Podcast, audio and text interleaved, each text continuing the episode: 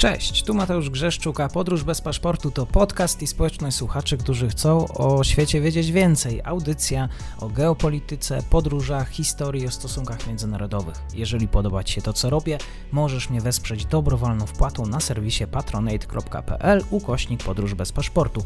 Serdecznie za to dziękuję, bo właśnie dzięki temu mam szansę rozwijać to miejsce. Obserwuj, polub i udostępniaj dalej. Zapinamy pasy, czas na kolejny odcinek podróży. Dzień dobry wszystkim słuchaczom. Dzień dobry niedzielnie. Dzisiaj mam przyjemność gościć autorkę reportażu Miasto Bajka, wiele historii Kaliningradu, które ukazało się w ramach wydawnictwa Czarne, które lubię i po prostu sięgam. E, Paulina Siegień jest dzisiaj moim gościem. Dobry wieczór, dzień dobry. Dzień dobry, dziękuję za zaproszenie. Pani Ludwika Włodek, która zresztą też gościła e, na jednej z moich audycji, rozmawialiśmy o Algierii, napisała e, w takim wstępniaku do książki, że nie sztuką jest pięknie opisać miasto piękne, sztuką jest opisać tak miasto brzydkie. Czy Kaliningrad jest e, miastem brzydkim? Ha, to jest w ogóle taka pułapka, którą mi Ludwika podłożyła, bo kiedy dostałam od niej tę rekomendację okładkową, to ona mnie bardzo ucieszyła, bo wydaje mi się, że ona jest dla mnie jako dla autorki bardzo pozytywna i bardzo pochlebna, ale w ogóle nie wzięłam pod uwagę tego, że tak szybko się rozpęta mała burza w szklance wody w Kaliningradzie wokół, wokół tego blerba okładkowego, bo bardzo szybko się już dowiedziałam od znajomych, że to, że właśnie w tej rekomendacji napisała, że to jest miasto brzydkie, no wywołało w nim taką małą aferę. Mhm. I już, e, już gdzieś tam mnie postawiono trochę na takiej straconej pozycji, bo muszę się e, tłumaczyć nawet nie z tego, co ja sama napisałam w tej książce, a z tego, co napisała Ludwika Włodek na okładce. Więc mhm. musiałam wytłumaczyć, no, że cóż, są to, to, że ktoś nazywa to miasto brzydkim, to jest na pewno wypadkowe i doświadczenia. Wiele osób w tym mieście wbrew pozorom było, widziało je, no, z drugiej strony to jest też trochę wypadkowa tego, co napisałam w książce. Mhm. Chociaż z drugiej strony wiele osób, które tę książkę już zdążyło przeczytać, mówi, że pisze o, o, o Kaliningradzie w tej książce bardzo czule i sprawiam, że chce się to miasto odwiedzić i chce się to miasto lepiej poznać.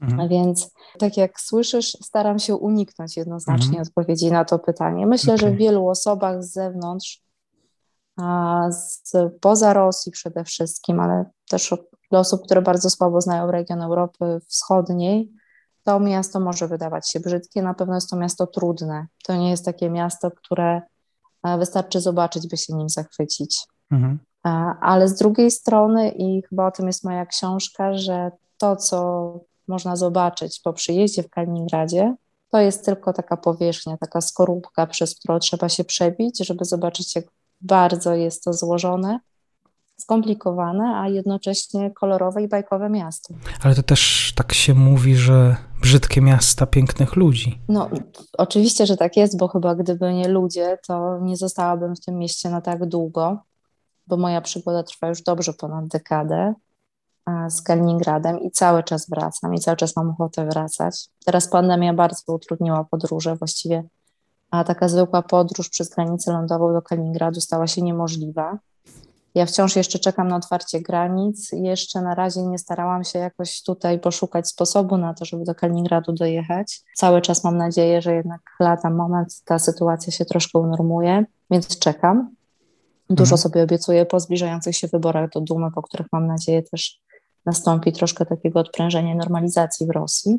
Wykonałem taką moją pracę domową, ćwiczenie, zapytałem kilku znajomych, co wiedzą właściwie o Kaliningradzie. E, no to zwykle kojarzy mi się ta z zamkniętą granicą, problemami lokalnych mieszkańców, którzy przyjeżdżali robić zakupy do polskich sklepów. No tak, bo Kaliningrad, zwłaszcza dla nas tutaj w Polsce, to jest takie miejsce, które kojarzy się, bo ja w ogóle i w książce to twierdzę, i też pytana podczas spotkań autorskich, wywiadach, mówię wprost, że ono się w Polsce zupełnie z niczym nie kojarzy. I jeśli się właśnie z czymś kojarzy, to z tym, że go nie ma, że jest niedostępne. No i może jeszcze z tym, że są tam Iskandery, że jest tam dużo wojska, dużo sprzętu wojskowego i płynie stamtąd potencjalne zagrożenie dla Polski. A, militarne zagrożenie. A poza tym właściwie żadnych więcej skojarzeń nie ma. I ja się bardzo staram przełamać tę barierę, I no niestety w tej sytuacji nie mogę tego powiedzieć, bo trwa pandemia, od półtora roku granica jest zamknięta i to jest przedziwna sytuacja, bo kiedy w marcu 2020 roku granice zamykano, to myśmy się z moimi przyjaciółmi z Kaliningradu zapewniali wzajemnie, że to jest na kilka tygodni, no może na kilka miesięcy, ale już na pewno jesienią się spotkamy, będziemy razem pić piwo w barze Jelcyn. A tymczasem okazuje się, że mija już kolejny rok, jest kolejna jesień, wciąż nic nie wiadomo. Mhm. Ale gdyby pominąć tę sytuację pandemii, gdyby ją wziąć w nawias jako wciąż coś nietypowego, chociaż się coraz bardziej jakby zżywamy z tą nową normalnością pandemiczną, ale wcześniej Kaliningrad nie był aż tak bardzo niedostępny i przez kilka miesięcy przed pandemią do Kaliningradu mógł pojechać właściwie każdy obywatel kraju Unii Europejskiej na podstawie darmowej wizy elektronicznej. E, to był bardzo ważny krok, chyba takie bezprecedensowe dla regionu otwarcie po wojnie. Nigdy wcześniej ten dostęp do możliwości wjazdu do tego regionu nie była taka prosta. No niestety nie zdążyliśmy się długo tym cieszyć. No tak. A jeżeli właściwie ten region nie kojarzy nam się Polakom z niczym konkretnym, no ewentualnie tutaj pod kątem wojskowości, to czy możemy mówić o jakimś specyficznym rysie osobowości Rosjanina, który mieszka właśnie w tym regionie? I jak wygląda też e, te pogranicze? Jakim jest miejscem?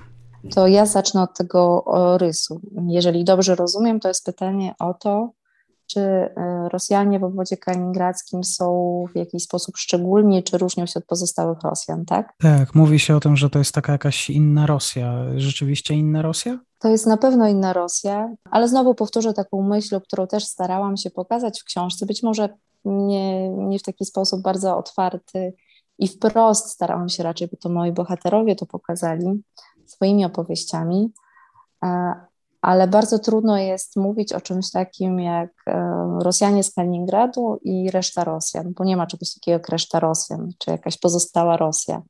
Rosja jest bardzo dużym krajem, bardzo złożonym, e, bardzo zróżnicowanym.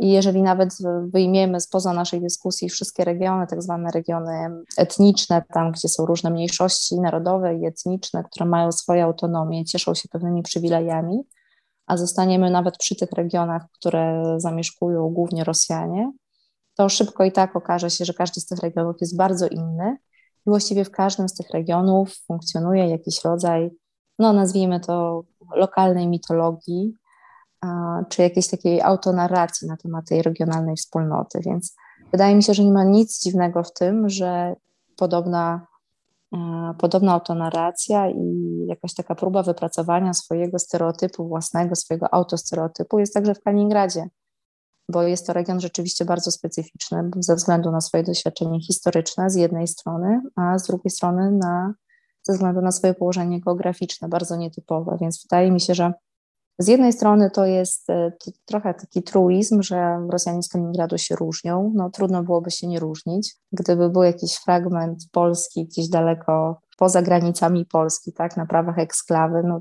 no to chyba jesteśmy w stanie sobie to wyobrazić, że z tym zróżnicowaniem regionalnym, jakie mamy też w Polsce, że, że w takim miejscu też ci Polacy bardzo by się różnili od pozostałych Polaków. Więc nie ma w tym chyba nic dziwnego z jednej strony, a z drugiej strony wydaje mi się, że warto właśnie zawsze o tym pamiętać, że rosyjskie regiony są bardzo różne. I zresztą to jest taka pułapka, w którą bardzo chętnie sami Kaliningradczycy wpadają, bo oni bardzo lubią tak o sobie myśleć. I lubią tak o sobie mówić, że są inni, że Kaliningrad to nie jest do końca Rosja, że to jest Europa, że to jest europejska Rosja. I to jest też taki sposób budowania opowieści o regionie, który bardzo chętnie podejmują też lokalne władze na przykład e, budując markę turystyczną regionu, bo właśnie w ten sposób region reklamuje się wśród rosyjskich turystów, że jeżeli przyjadą do Kaliningradu, no to właściwie tak jakby przyjechali do jakiegoś europejskiego miasta albo regionu. A jeżeli chodzi o pogranicze, no to znowu mamy do czynienia z taką sytuacją zupełnie nieprostą i nietypową, bo pogranicze, w ogóle samo to pojęcie, ono zakłada pewien rodzaj kulturowego splątania.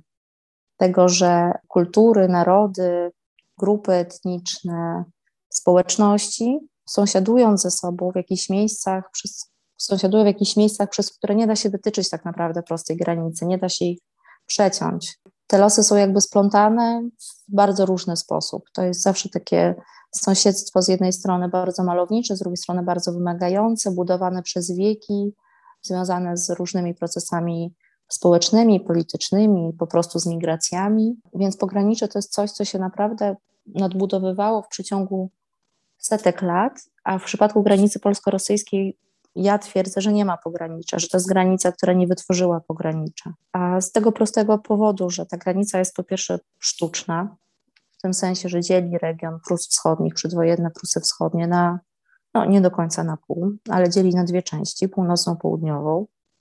Ta granica była bardzo arbitralna. Przyjęto uważać, że tę granicę po prostu ołówkiem narysował Stalin podczas jednej z konferencji pokojowych i że to jest właściwie taka prosta linia, zresztą widać to na mapie, że to jest prosta linia. Ale mało tego, że ta granica jest sztuczna, to jeszcze ludzi, którzy mieszkali po obu stronach tej granicy, e, wysiedlono, a na ich miejsce przywieziono zupełnie innych ludzi. Przywieziono e, Polaków wysiedlanych z, ze wschodnich części II Rzeczypospolitej, a do obwodu kaliningradzkiego przywieziono obywateli sowieckich. I ta granica właściwie od razu po wojnie się zamknęła, dlatego tych kontaktów międzyludzkich, tych kontaktów sąsiedzkich nie było. I to do dzisiaj pozostaje takim, pozostawiło bardzo silne piętno właściwie na tych relacjach. To, że jest jakaś taka czasowa wyrwa i cały czas mamy do czynienia z granicą znowu zamkniętą, znowu mamy trudności w takich swobodnym przemieszczaniu się, kontaktach. I to chyba sprawiło też, że wydaje mi się, że nigdzie w drugim, w żadnym innym pogranicznym regionie Polski nie ma takiej sytuacji, żeby też tak słabo sąsiedzi wzajemnie mogli eksplorować po prostu geograficznie ten region. Bo mieliśmy do czynienia z sytuacją, kiedy Polacy, którzy trafili na, na tereny Warmii i Mazur przy granicy z, wtedy ze Związkiem Radzieckim, oni po prostu nie mogli się zapuszczać na tamte tereny, nie mogli tam odbywać wycieczek, wyjazdów, więc właściwie ten region jest jedną wielką niewiadomą. Mhm. I jakieś zmiany przyszły oczywiście po rozpadzie Związku Radzieckiego, były różne projekty, takie jak Mały Ruch Graniczny, ale co ciekawe, one zawsze lepiej działały w tą drugą stronę, to znaczy Rosjanie chętniej przyjeżdżali do Polski niż Polacy jeździli do obwodu kaliningradzkiego. Mhm. To tak mnie aż kusi zapytać, czy właściwie Rosjanie wiedzą o istnieniu obwodu kaliningradzkiego? A bardzo różnie z tym bywa. Jestem przekonana, nie mam tutaj jakiegoś wielkiego masywu danych i osób o to przypytanych, ale jestem przekonana, że dla wielu Rosjan to mogłoby być pewną niespodzianką. W ogóle jest takie zjawisko, o którym więcej piszę w mojej powstającej rozprawie doktorskiej na temat obwodu kaliningradzkiego, jak region znikający z mapy bo bardzo często, kiedy gdzieś publikuje się mapę Rosji, w różnych celach, czasami jest to taka mapa Rosji jako logo, czasami to jest na przykład mapa Rosji na szkolnym podręczniku, to bardzo często obwód kaliningradzki na tej mapie nie jest pokazywany. E, więc to już pokazuje, że jest jakiś pewien problem ze świadomością istnienia tego regionu, w ogóle umiejscawiania go, a przecież wiemy, że Rosjanie lubią mówić o tym, że ich kraj jest wielki, ogromny. Więc to może zadziwiać, że z taką łatwością pomijają no coś też, co jest z drugiej strony historycznie powinno być bardzo ważne dla Rosjan, bo to jest, e, to jest terytorialne trofeum, to jest część e, ziemi niemieckiej zdobyta w II wojnie światowej, którą Rosjanie nazywają dla siebie Wielką Wojną Ojczyźnianą, trochę skracając ją. E, więc to powinno też na takim poziomie państwowej, tej mitologii, która dzisiaj w Rosji obowiązuje, która koncentruje się wokół zwycięstwa w tej wojnie z faszystami, no powinno to być coś ważnego. Więc to może zadziwiać, że ten region naprawdę bardzo często z tej masowej rosyjskiej wyobraźni znika. Z drugiej strony on pojawia się trochę z innej, w innym kontekście, bo tak było w latach powojennych, ale też ta tradycja wraca w ostatnich latach. Kaliningrad stał się bardzo popularnym miejscem kręcenia filmów i seriali. I wiele ekip filmowych rosyjskich przyjeżdża do regionu i w ten sposób obraz Kaliningradu zapośredniczony właśnie przez te obrazy filmowe gdzieś tam trafia do szerszej świadomości Rosjan, ale znowu można byłoby dyskutować o tym, czy ten obraz jest e, prawdziwy, czy jest może bardziej jakąś sumą wyobrażeń pozostałej Rosji na temat tego, czym jest Kaliningrad. Bo to są bardzo, zazwyczaj to są bardzo specyficzne produkcje, które w bardzo podobny sposób pokazują i wykorzystują potencjał regionu. Separatyzm to może zbyt duże słowo, ale może jakieś decydowanie o sobie, niezależność. Czy właśnie mieszkańcom Kaliningradu marzy się jakiś sposób funkcjonowania, właśnie niezależny, w pewien sposób możliwość decydowania, jak będzie tu funkcjonował ruch towarowy, biznes, ekonomia? Czy Moskwa właściwie mogłaby na to pozwolić? Nie, Moskwa na pewno nie chce na to pozwolić, bo interesy Kremla nie pokrywają się z interesami mieszkańców regionu, tych, zwłaszcza tych cywilnych mieszkańców regionu, którzy rzeczywiście najbardziej mogliby skorzystać wtedy, gdyby pojawiły się bardzo istotne uproszczenia celne, bo nie chodzi nawet o takie zwykłe e, przekraczanie granicy przez zwykłych ludzi. No, największą barierą rozwoju obodu kaliningradzkiego jest granica celna, ponieważ obwód kaliningradzki jest um, otoczony przez kraje Unii Europejskiej, czyli kraje innego systemu gospodarczego. A, a jeżeli chodzi o jakieś marzenia i potrzeby mieszkańców, to ja myślę, że to jest dzisiaj w ogóle palący problem w całej Rosji, że e, ludzie są naprawdę bardzo złaknieni samorządności. I to widać po wielu protestach regionalnych, e, które się po całej Rosji przetaczają od właściwie już ostatnich lat, gdzie widać, że ta kwestia możliwości wyboru, decydowania, wpływania na różne kwestie w swoich regionach jest bardzo ważna. I ja myślę, że Kaliningradczycy tutaj też nie różnią się od pozostałych Rosjan e, w tym poczuciu, że jednak panuje w regionie bardzo duży deficyt e, właśnie samorządności, że te decyzje przychodzą z góry, że też z góry, czyli z Moskwy, przychodzi coraz więcej dużego kapitału, który siłą rzeczy swoją siłą finansową jest w stanie różne rzeczy w mieście i w regionie robić, które się niekoniecznie podobają mieszkańcom. To jest, kwestia inwestycji, ich kształtu, inwazyjności, na przykład nowego budownictwa i tak dalej. Ale też w odróżnieniu od wielu innych regionów Rosji, w Kaliningradzie jakichś takich bardzo dużych protestów w tych sprawach nie było. Nie było też żadnej takiej sprawy, która by jakoś bardzo mocno skonsolidowała mieszkańców regionu, tak jak mogliśmy to obserwować ostatnio chociażby w Chabarowsku, tak?